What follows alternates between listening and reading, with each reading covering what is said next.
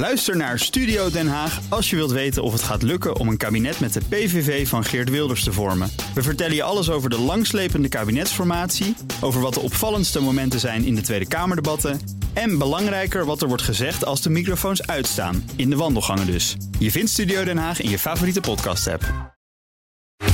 Tech Update. We gaan naar Conor Klerks. Goedemorgen, Conor. Goedemorgen, mannen. Nou, weer een nieuwe naam die veel valt, ook in de Huizen Klerks neem ik aan. En dat is niet meer Elon Musk alleen, maar ook Sam Bankman-Fried. De Mijn arme vriendin, hè? Ja, die dacht, die dacht ik ben vanaf. Arme vriendin. Elke keer denken we van die arme vriendin, die krijgt alleen maar die ellende. Sterkte, Roos. Ja, ja, ja. ja, sterkte. Sam Bankman-Fried, voormalig topman van eh, FTX, vast op de Bahama's. Maar wat is er voor nieuws? Ja, het nieuws is uh, best wel opmerkelijk. is namelijk uh, hoe de Bahama's eigenlijk uh, de bal in het rollen hebben gebracht in deze zaak. Hij is, er, hij is erbij gelapt door nee. een collega. Ja, het, uh, het verhaal is uh, bekend. Hè? De crypto exchange FTX die zaten op de Bahamas en Bankman Fried die zit inmiddels vast. Maar de Financial Times die schrijven vanmorgen over hoe uh, dit nou precies gebeurde. Die tip die kwam van een andere manager bij FT, FTX, Ryan Salome. Was co-CEO van de Bahamas entiteit van FTX. En op 9 november, dat is een paar dagen voordat het hele kaartenhuis ineen donderde, trok hij aan de bel bij um, de beurswaakhond van de Bahama's. En hij vertelde daar dat Sam Bankman Fried naar alle waarschijnlijkheid dus geld overhevelde van FTX naar zijn hedgefonds uh, Alameda. Oeps. Ja, oeps, inderdaad. Ja. En dat, uh, ja, dat is wel opmerkelijk. En uh, ja, de, de, zo niet uh, sensationeel.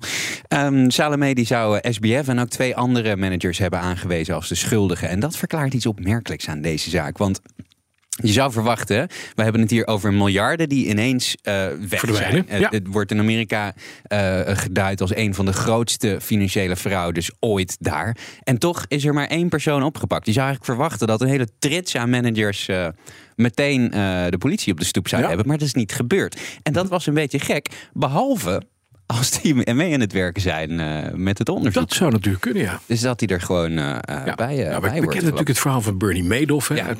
jaren geleden. Die ook zo'n soort piramidespel leidde. Die werd toen gepakt, maar langzamerhand vielen alle poppetjes om.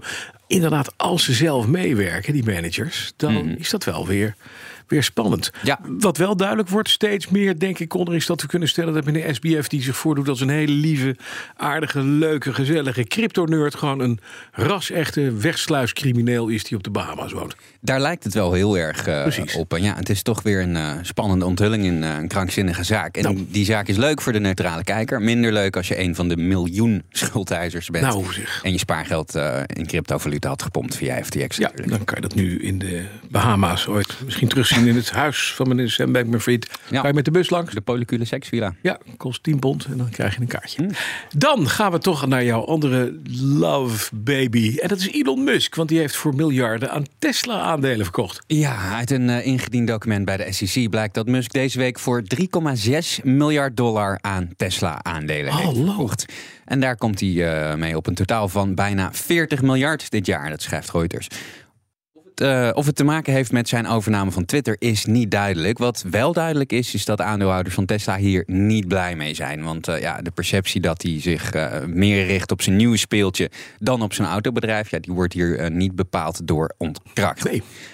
Het spreekt niet heel veel vertrouwen uit in Tesla, zegt uh, en dat is nogal een understatement van een analist van IG Market. Daar zitten veel uh, uh, kleinere investeerders, zeg maar gewoon de normale mensen die graag in Tesla willen investeren. Hij noemt het geen goede situatie en hij zegt dat aandeelhouders absoluut kwaad zijn op Musk. Door de verkoop van die uh, 22 miljoen aandelen de afgelopen drie dagen heeft Musk nu zo'n 13,4 uh, procent van het bedrijf over. Vorig jaar was dat nog 17 procent. En ja, als je aandeelhouder uh, Tesla bent, is het dit jaar nogal slikken. Sinds begin van dit jaar is de koers van Tesla met meer dan 60% gedaald. En dit gaat daar ook niet bij helpen. Nee, dat blijkt maar weer. Dan Ik zag wel, nog één, sorry. Ja. ik zag wel een. Uh, uh, je hebt altijd van die believers, hè, ook onder uh, mm -hmm. analisten. Ja. En die zei: Nou, het is eigenlijk wel fijn uh, dat Musk dit nu doet. Want hij heeft een uh, ideaal instapmoment gecreëerd. door die koers omlaag te duwen. We kennen het van de crypto-verhalen. Ja, ja, donder, het dondert in één. Goed instapmoment. Ja, Ja. uitstekend. Ja, dat kan je ook altijd zeggen. Dan problemen voor cosmonauten bij het International Space Station. Wat is Ja. daar gebeurd dan? Twee uh, Russische cosmonauten op het ISS die moesten vannacht een ruimtewandeling afblazen op het laatste moment, schrijft nu.nl.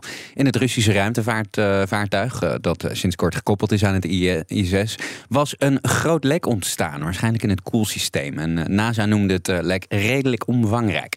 Nou, die cosmonauten die stonden al klaar, ruimtepakken aan, op het punt om naar buiten te gaan toen dat lek werd uh, ontdekt. En op beelden kun je ook zien dat er iets weglekte, dat echt zichtbaar weglekte. Uh, het zou gaan om uh, ammoniak, dat wordt in de ruimte als koelmiddel gebruikt. Maar ik krijg daar toch altijd een beetje kippenvel van als je zoiets ziet. Je zit, zit daar in de ruimte, dat pak aan inderdaad, en dan gaat er wat mis. Het heeft iets is echt ontzettend eng. Maar het is dood. En het is ook niet dat je denkt van... Uh, weet je wat, we hebben dat ene slangklemmetje. Dat ligt nog. dat had jij, dat had jij, toch, dat jij toch... Dat zou jij toch doen? Of? Maar, uh, je kan niet even niet naar de karwei voor een nieuw slangklemmetje. Nee, dat je dat deur van het ISS dichtgooit en denkt... de sleutel zit nog binnen. Ander bijkomend nadeel is dat er wel uh, ergens achter in het heelal... Over, over een paar miljoen jaar...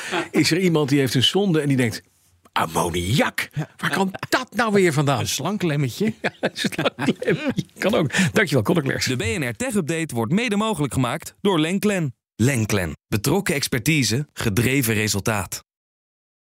Ook Thomas van Zeil vind je in de BNR-app. Je kunt live naar mij luisteren in Zaken doen. De BNR-app met breaking news, het laatste zakelijke nieuws... en je vindt er alle BNR-podcasts, bijvoorbeeld Het Nieuwe Geld. Download nu de gratis BNR-app en blijf scherp.